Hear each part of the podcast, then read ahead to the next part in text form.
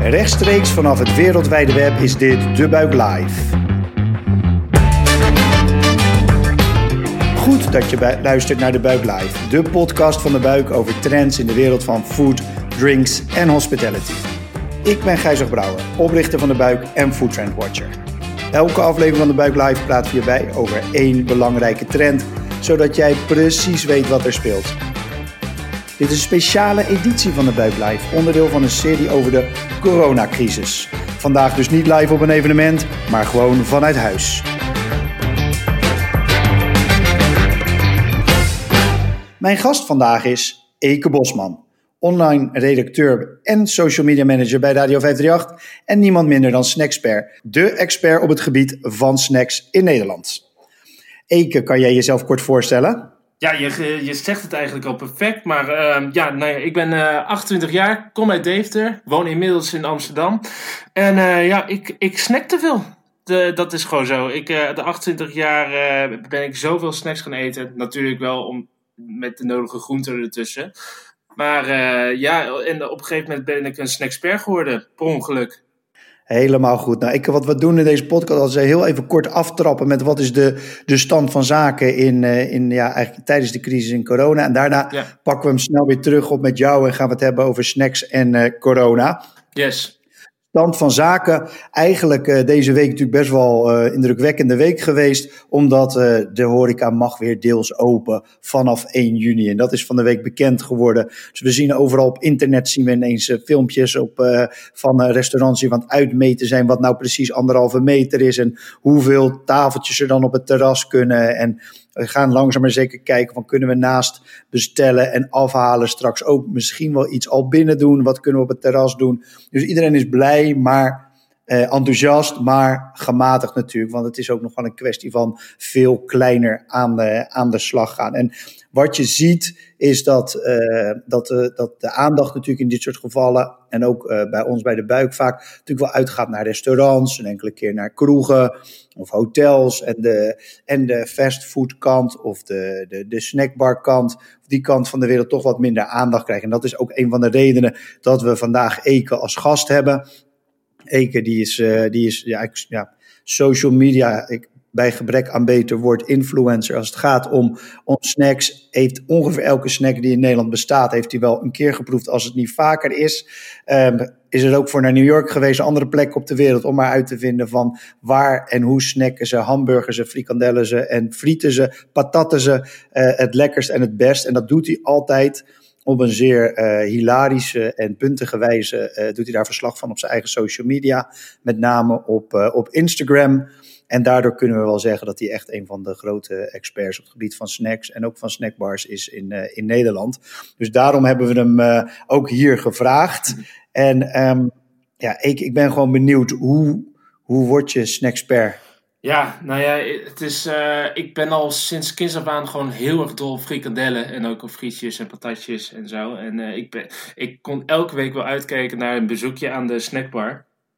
Alleen, uh, ja, dat is een beetje uit de hand gelopen met de middelbare school. Werd ik al een beetje uitgelachen omdat ik weer een broodje frikandel haalde. En weer even een stokbroodje kruidenboter. En dat is een beetje uitgegroeid tot een ware obsessie met snacks. Op een gegeven moment zeiden ook mensen van, je, je moet erover gaan schrijven. Want ik deed de school voor journalistiek. Dus die aanleg had ik gelukkig al.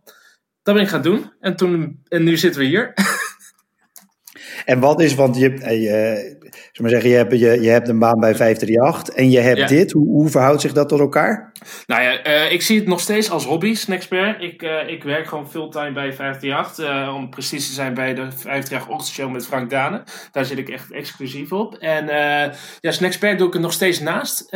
ik zie het ook nog steeds als hobby. Ik vind het hartstikke leuk om gewoon iedere eind van de middag even een half uurtje weer in tekst te, te verzinnen voor, van een bepaalde snack. Om s'avonds weer even wat lekkers te eten.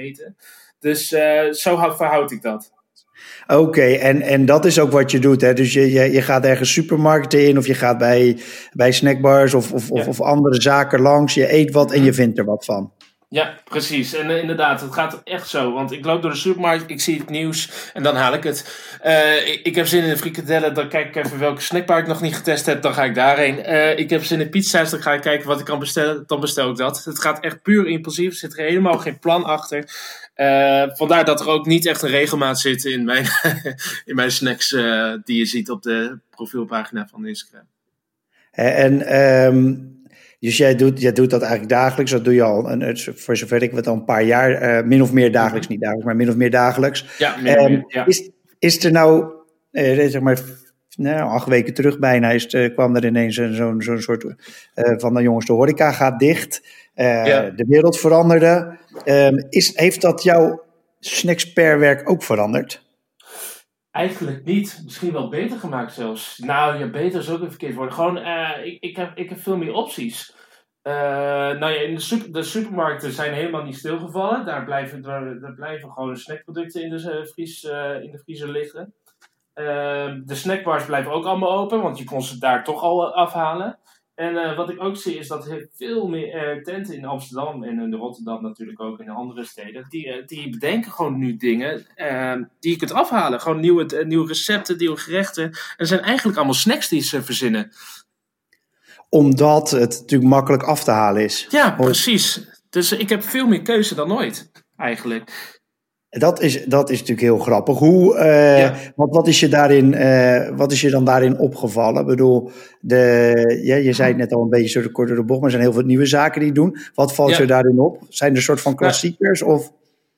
Nou ja, ik kijk, uh, de, tenten als de Rotisserie of uh, de Marche, die, die, die uh, doen gewoon aan delivery of afhalen van hun fantastische burgers.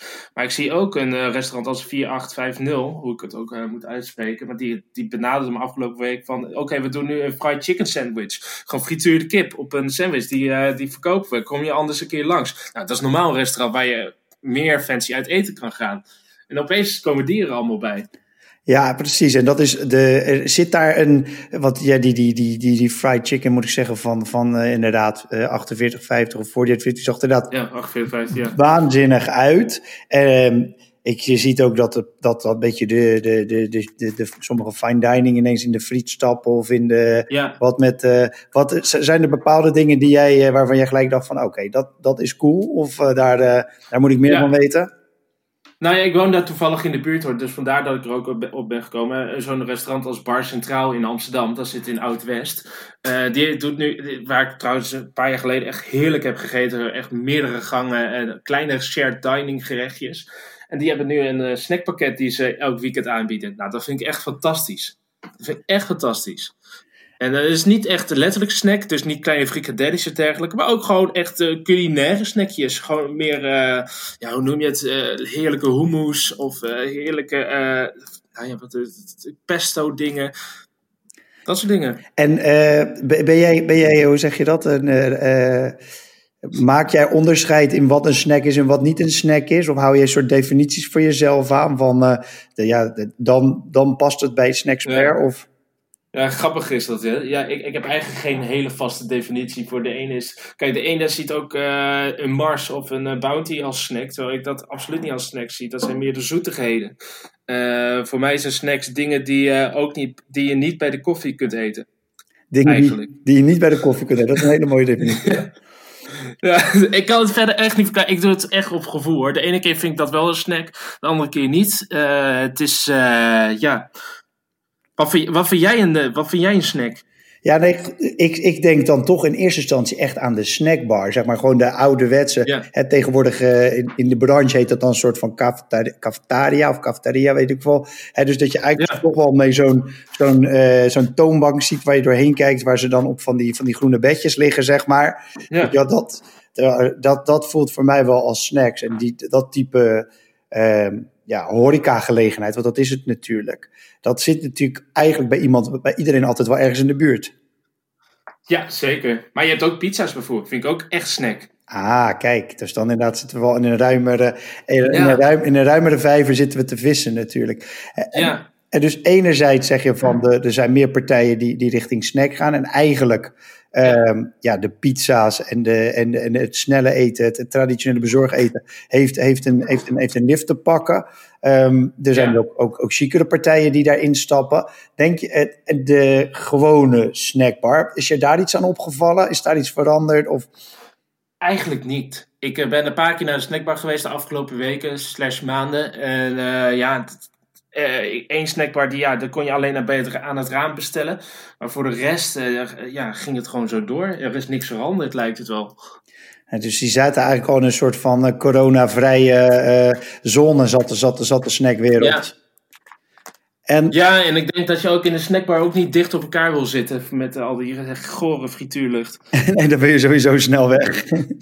dan wil je sowieso snel weg. Het zijn ook niet de mooiste plekken eh, om te zitten hoor. Nee, die hadden natuurlijk al toch wel redelijk op, uh, op inderdaad meenemen of afhalen of inderdaad bezorgen hadden ze zich uh, gericht. Als je, eh, eh, heb jij, eh, je houdt het denk ik ook in de gaten, je krijgt misschien wel persberichten of andere berichtjes. Is jou verder wat opgevallen in de branche? Je denkt van nou, dat is wel heel erg grappig of dit is wel een mooie nou, inzicht of wat dan ook? Ja, dat is inderdaad, nou ja, do it yourself. Dus denk aan diepvriespizza's van echte hele goede pizzeria's. Die je zelf thuis moet afbakken. En uh, burgertent zoals de Beef Chief, die die ook pakketten verkoopt. En dat je hem zelf thuis in elkaar moet zetten en even de burger zelf moet bakken op, uh, op aanwijzing van een bepaald plaatje. Dat heb ik nooit eerder gezien. En de, jij bent natuurlijk dan expert in afhalen. Lukt dat ook? Kan je het? Uh, nee, ik heb die burger durf ik niet aan, want ik ben, ik ben echt oprecht bang dat de magie dan verdwijnt als ik het zelf kan maken en dat het dan heel erg lekker is. Dus dan, ik durf dat gewoon echt niet. Uh, Zo'n pizza afbakken is gewoon een kwestie van uh, over op 180 graden zetten, 10 minuten wachten en hij is gereed. Dus dat is uh, helemaal prima. Nee, en en, en, en het mooie is natuurlijk een beetje van jou, van hoe jij naar de, je eigen snacksperbaan kijkt. Dus je kan natuurlijk naar de horeca, maar je kan ook altijd naar de supermarkt. Nou ja, de supermarkt is wel wat gekker geworden, maar ik kan me voorstellen dat de snacks ook daar best wel hoogtij vieren op dit moment. Ja, mensen hebben toch zin in makkelijk, hè? Omdat ze toch, ja, we hebben toch al wat, met z'n allen wat minder. Ik bedoel, iedereen drinkt ook meer, heb ik het idee. Ja. dus uh, ik, ik, denk dat we ook sneller grijpen naar de diepvriespizza in de supermarkt. Ja, en eh, denk je, zijn er al uh, bepaalde coronasnacks naar boven gekomen of is het daar nog te vroeg voor? Het is echt nog te vroeg voor je. En goed, goed dat je het zeggen, want ik zie nu nog, ik zie geen nieuwe producten nu in de supermarkt. Dat heb ik de afgelopen week niet meer gezien. Terwijl er echt, echt gewoon twee wekelijks gebeurde dat weer een nieuwe pizza in de schappen lag.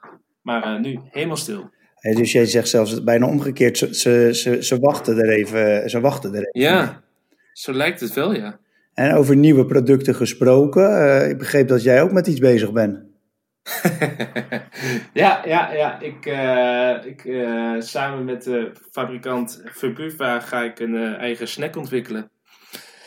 En uh, wie weet komt het ooit. Uh, ja, wie weet uh, verschijnt het ergens in de, in de snackbar of in de supermarkt. Ik weet het niet. Nee, dus je bent nog in het, in het, in het laboratoriumproces, om het zo te zeggen.